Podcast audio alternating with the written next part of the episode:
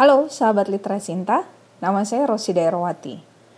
Saya akan membacakan kisah pendekar bongkok, karya Asmaraman S. Kopingho. Program membacakan cerita ini diselenggarakan oleh Literasinta AWCPHUI.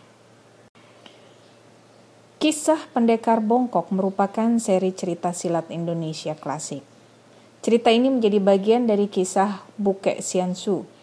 Audiobook Kisah Pendekar Bongkok Jilid 1 dapat diakses di podcast Literasinta AWCPHUI. Cerita silat ini mengandung adegan kekerasan dan konten dewasa. Tidak ditujukan untuk anak-anak. Jika ada remaja yang ikut mendengarkan, disarankan untuk didampingi oleh orang tua. Tokoh-tokoh pada jilid satu ini terdiri dari Si Kian atau Si Kausu, guru silat di kota Tiongchin, Provinsi Xinjiang, Kim Chuan, murid utama perguruan silat yang dipimpin Si Kian, Nyonya Si, istri Si Kian, ibu dua anak, Si Lan Hong, putri sulung Si Kian, Si Liong, putra bungsu Si Kian. Yao Sun Kok, perampok yang bermusuhan dengan Si Kian dan akhirnya membunuh Si Kian dan Nyonya Si. Senjatanya berupa pedang berjuluk teratai putih atau Pek Lian Kiam. Yao Bisian, putri hasil pernikahan Sun Kok dan Lan Hong, keponakan Si Liong. Lu Ki Chong, putra komandan keamanan di kota Sungjan, tempat tinggal Sun Kok dan Lan Hong.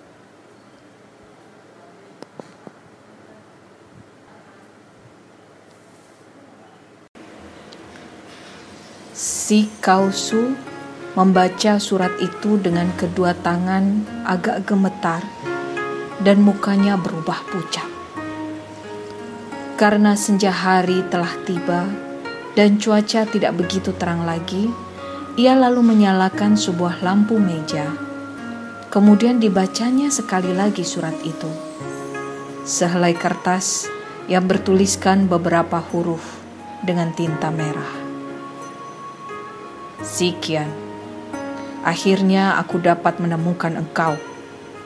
Sebelum malam ini habis, seluruh keluargamu dan segala makhluk hidup di dekat rumahmu akan kubunuh semua. Demikianlah bunyi surat itu. Tanpa nama penulisnya. Akan tetapi si Kausu atau si Kian tahu benar siapa penulisnya. Tadi dia menemukan surat itu di daun pintu belakang rumahnya. Tertancap pada daun pintu dengan sebatang piau senjata rahasia beronce merah. Dia mengenal benar piau itu. Lima tahun yang lalu, dia pernah terluka pada pundaknya oleh piau seperti itu. Dia tahu benar siapa pemilik piau, siapa penulis surat. Peristiwa itu terjadi lima tahun yang lalu. Ketika itu, dia melakukan perjalanan ke daerah Hokkien untuk mengunjungi seorang sahabat lamanya. Juga dia ingin melancong, sebab semenjak menjadi guru silat, dia tidak pernah sempat melancong. Kini dia mempunyai seorang murid terpandai yang dapat mewakilinya mengajar para murid lainnya, sehingga dia mempunyai kesempatan untuk pergi. Kepergiannya direncanakan selama satu bulan. Dia tidak dapat membawa anak istrinya, sebab anaknya yang kedua baru lahir beberapa bulan yang lalu masih terlalu kecil untuk diajak pergi. Anaknya yang pertama, seorang anak perempuan yang sudah berusia 15 tahun, juga tidak dapat diajak pergi karena harus membantu ibunya di rumah. Maka dia pun pergi seorang diri ke timur. Dalam perjalanan inilah terjadinya peristiwa itu. Di sebuah hutan, dia melihat perampokan terhadap satu keluarga bangsawan yang sedang melakukan perjalanan dengan kereta. Perampok itu adalah sepasang suami istri yang masih muda, kurang lebih 25 tahun usia mereka. Sikian turun tangan melindungi bangsawan itu dan terjadilah perkelahian antara dia dan suami istri itu. Ternyata suami istri itu lihai juga. Akan tetapi mereka masih belum mampu mengalahkan Sikian yang pandai bersilat pedang. Perkelahian itu berakhir dengan kematian istri perampok itu, serta luka-luka parah pada perampok yang dengan penuh duka memanggul jenazah istrinya. Si Kian sendiri juga terluka di pundaknya, terkena sebatang senjata rahasia piau yang sempat dilemparkan oleh perampok itu. Perampok itu sempat menanyakan tentang diri lawannya. Dan karena Si Kian adalah seorang gagah yang tak pernah menyembunyikan nama serta selalu bertanggung jawab atas segala perbuatannya, maka Si Kian terus terang memberitahukan. Sikian, kalau engkau membunuhku, aku tidak akan begini merasa sakit hati. Demikian perampok itu sebelum pergi. Juga apabila engkau hanya menghalangi perbuatan kami merampok, aku pun tidak peduli. Akan tetapi, engkau sudah membunuh istriku tercinta, dan aku bersumpah bahwa kelak aku akan mencarimu dan aku akan membunuh seluruh keluargamu dan seluruh penghuni rumahmu. Setelah mengeluarkan ucapan itu, perampok muda itu pergi dengan muka berduka. Sikian membiarkannya pergi dan mengira bahwa ucapan itu tentu hanya ancaman seorang perampok yang kecewa. Akan tetapi, ternyata hari ini ada surat dan piau beronce merah Perampok itu ternyata bukan hanya meninggalkan ancaman kosong belaka, dan hari ini kurang lebih lima tahun sejak peristiwa itu, perampok itu benar-benar datang untuk melaksanakan ancamannya dan sumpahnya. Diam-diam Sikian bergidik. Ancaman di dalam surat itu sungguh menyeramkan. Akan tetapi dia tidak takut. Selama hidupnya, Sikian adalah seorang laki-laki jantan. Demi membela kebenaran, dia tidak takut kehilangan nyawa. Ancaman surat itu hanya ancaman seorang penjahat, seorang perampok, dan dia akan menyambutnya, menandinginya dengan sikap seorang pendekar sejati. Tidak, dia tidak akan minta bantuan orang lain.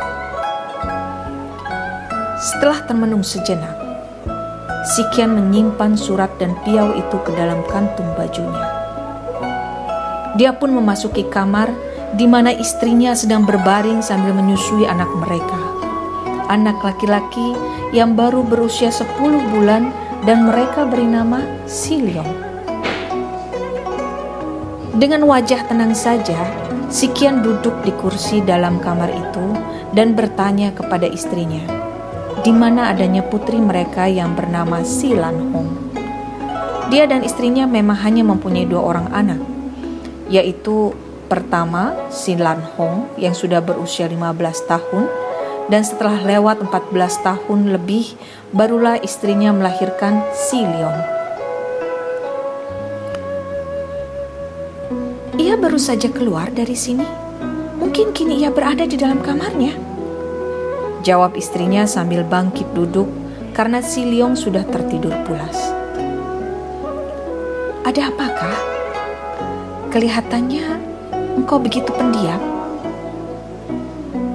Istri yang sudah amat mengenal watak suaminya itu bertanya dengan pandang mata curiga melihat sikap suaminya yang menjadi begitu pendiam, tidak seperti biasanya. Panggil dulu Lan Hong ke sini. Juga panggil Cuan yang berada di kamarnya. Ada urusan penting sekali yang hendak kubicarakan dengan kalian bertiga. Istri Sikian memandang suaminya dengan heran, akan tetapi tidak membantah dan ia lalu keluar dari kamarnya. Tak lama kemudian ia muncul kembali bersama seorang gadis yang manis, yaitu Lan Hong, dan seorang laki-laki muda berusia kurang lebih 25 tahun. Pria ini adalah Kim Chu An, murid kepala yang kini membantu Si Kian memimpin para murid yang belajar di perguruan silat itu. Karena Kim Chu An seorang yatim piatu yang tidak memiliki sanak keluarga, Maka dia diterima tinggal di rumah gurunya itu sebagai murid, juga sebagai pembantu gurunya. Tentu saja, Cuan merasa terkejut dan sangat heran ketika oleh ibu gurunya dia dipanggil menghadap gurunya di dalam kamar gurunya itu. Setelah istrinya, putrinya, dan muridnya duduk di atas bangku dalam kamar itu, dengan sikap masih tenang, Sikian lalu bicara. Kalian tentu masih ingat akan ceritaku tentang peristiwa yang terjadi lima tahun yang lalu pada waktu aku mengadakan perjalanan ke Hokkien itu, bukan?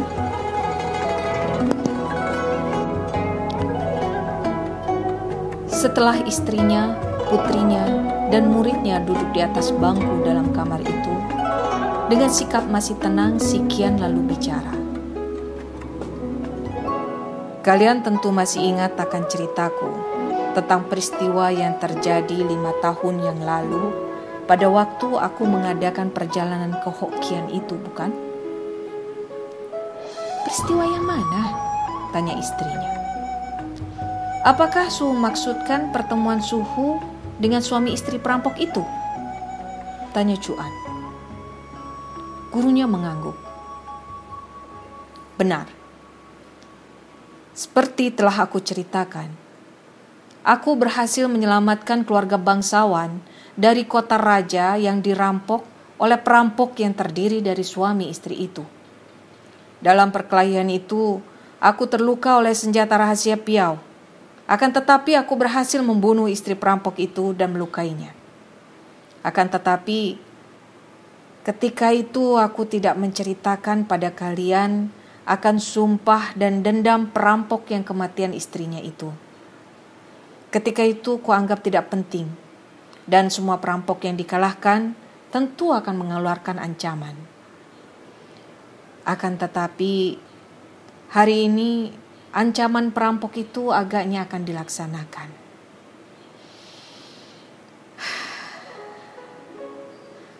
Sikian menarik nafas panjang. Ancaman bagaimana? Tanya istrinya, nampak khawatir. Ketika itu, sambil memanggul jenazah istrinya dan dalam keadaan luka, dia bersumpah bahwa pada suatu hari dia akan mencari diriku dan akan membasmi seluruh keluargaku. Tapi ancaman yang keluar dari mulut seorang perampok seperti itu, mana ada harganya untuk diperhatikan dan dianggap serius?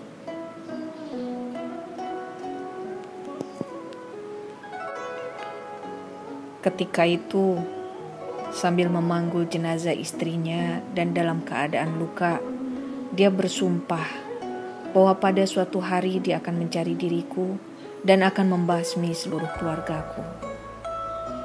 Tapi ancaman yang keluar dari mulut seorang perampok seperti itu, mana ada harganya untuk diperhatikan dan dianggap serius. Akan tetapi, dia bersumpah karena kematian istrinya, dan hal itu berbahaya sekali, kata istrinya. Sikian kembali menarik napas, dan dia mengangguk.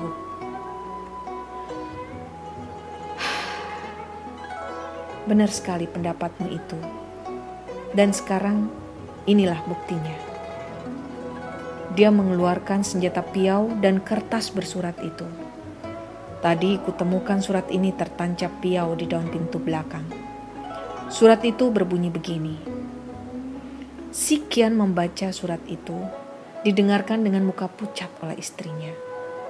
Lan Hong dan Chu An mendengarkan dengan sikap tenang. Mereka adalah orang-orang muda yang sejak kecil sudah belajar ilmu silat, maka memiliki ketabahan besar. Ayah, kalau dia muncul, kita lawan dia. Penjahat itu sudah sepatutnya dibasmi. Kata Lan Hong dengan penuh semangat. Sumoi benar, Suhu. Kita tidak perlu takut menghadapi ancaman dan gertak kosong dari seorang penjahat seperti dia.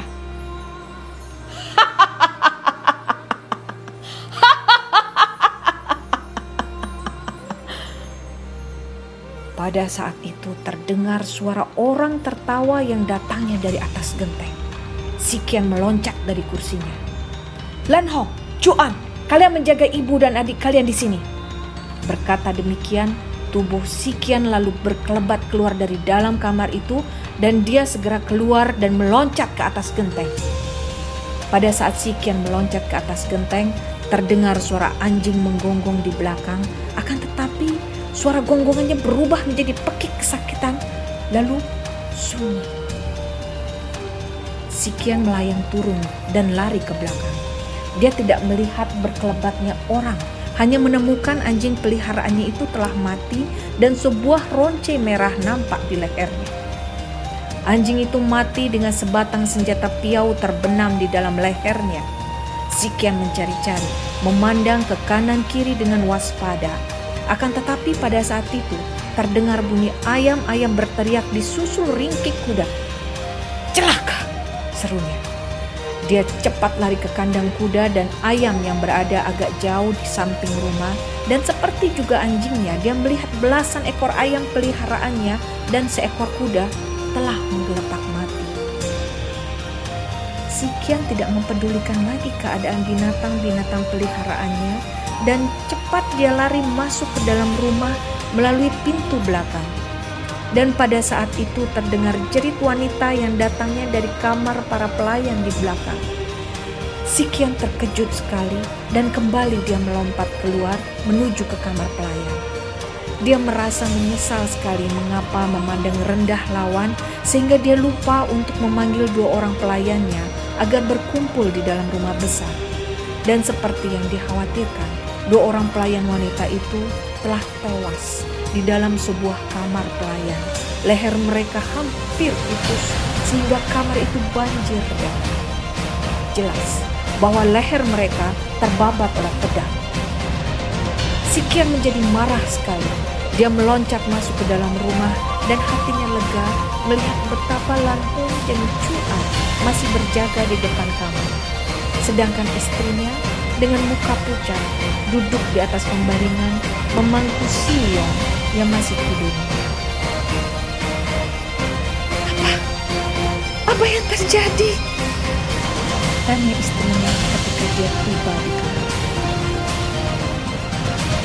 Jahanam itu, dia telah melaksanakan ancamannya.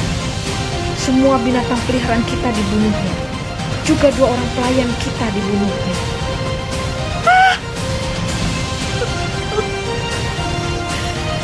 Istrinya menangis. Inilah akhir bagian satu jilid satu. Pemirsa, apa yang akan terjadi selanjutnya pada keluarga Sikian?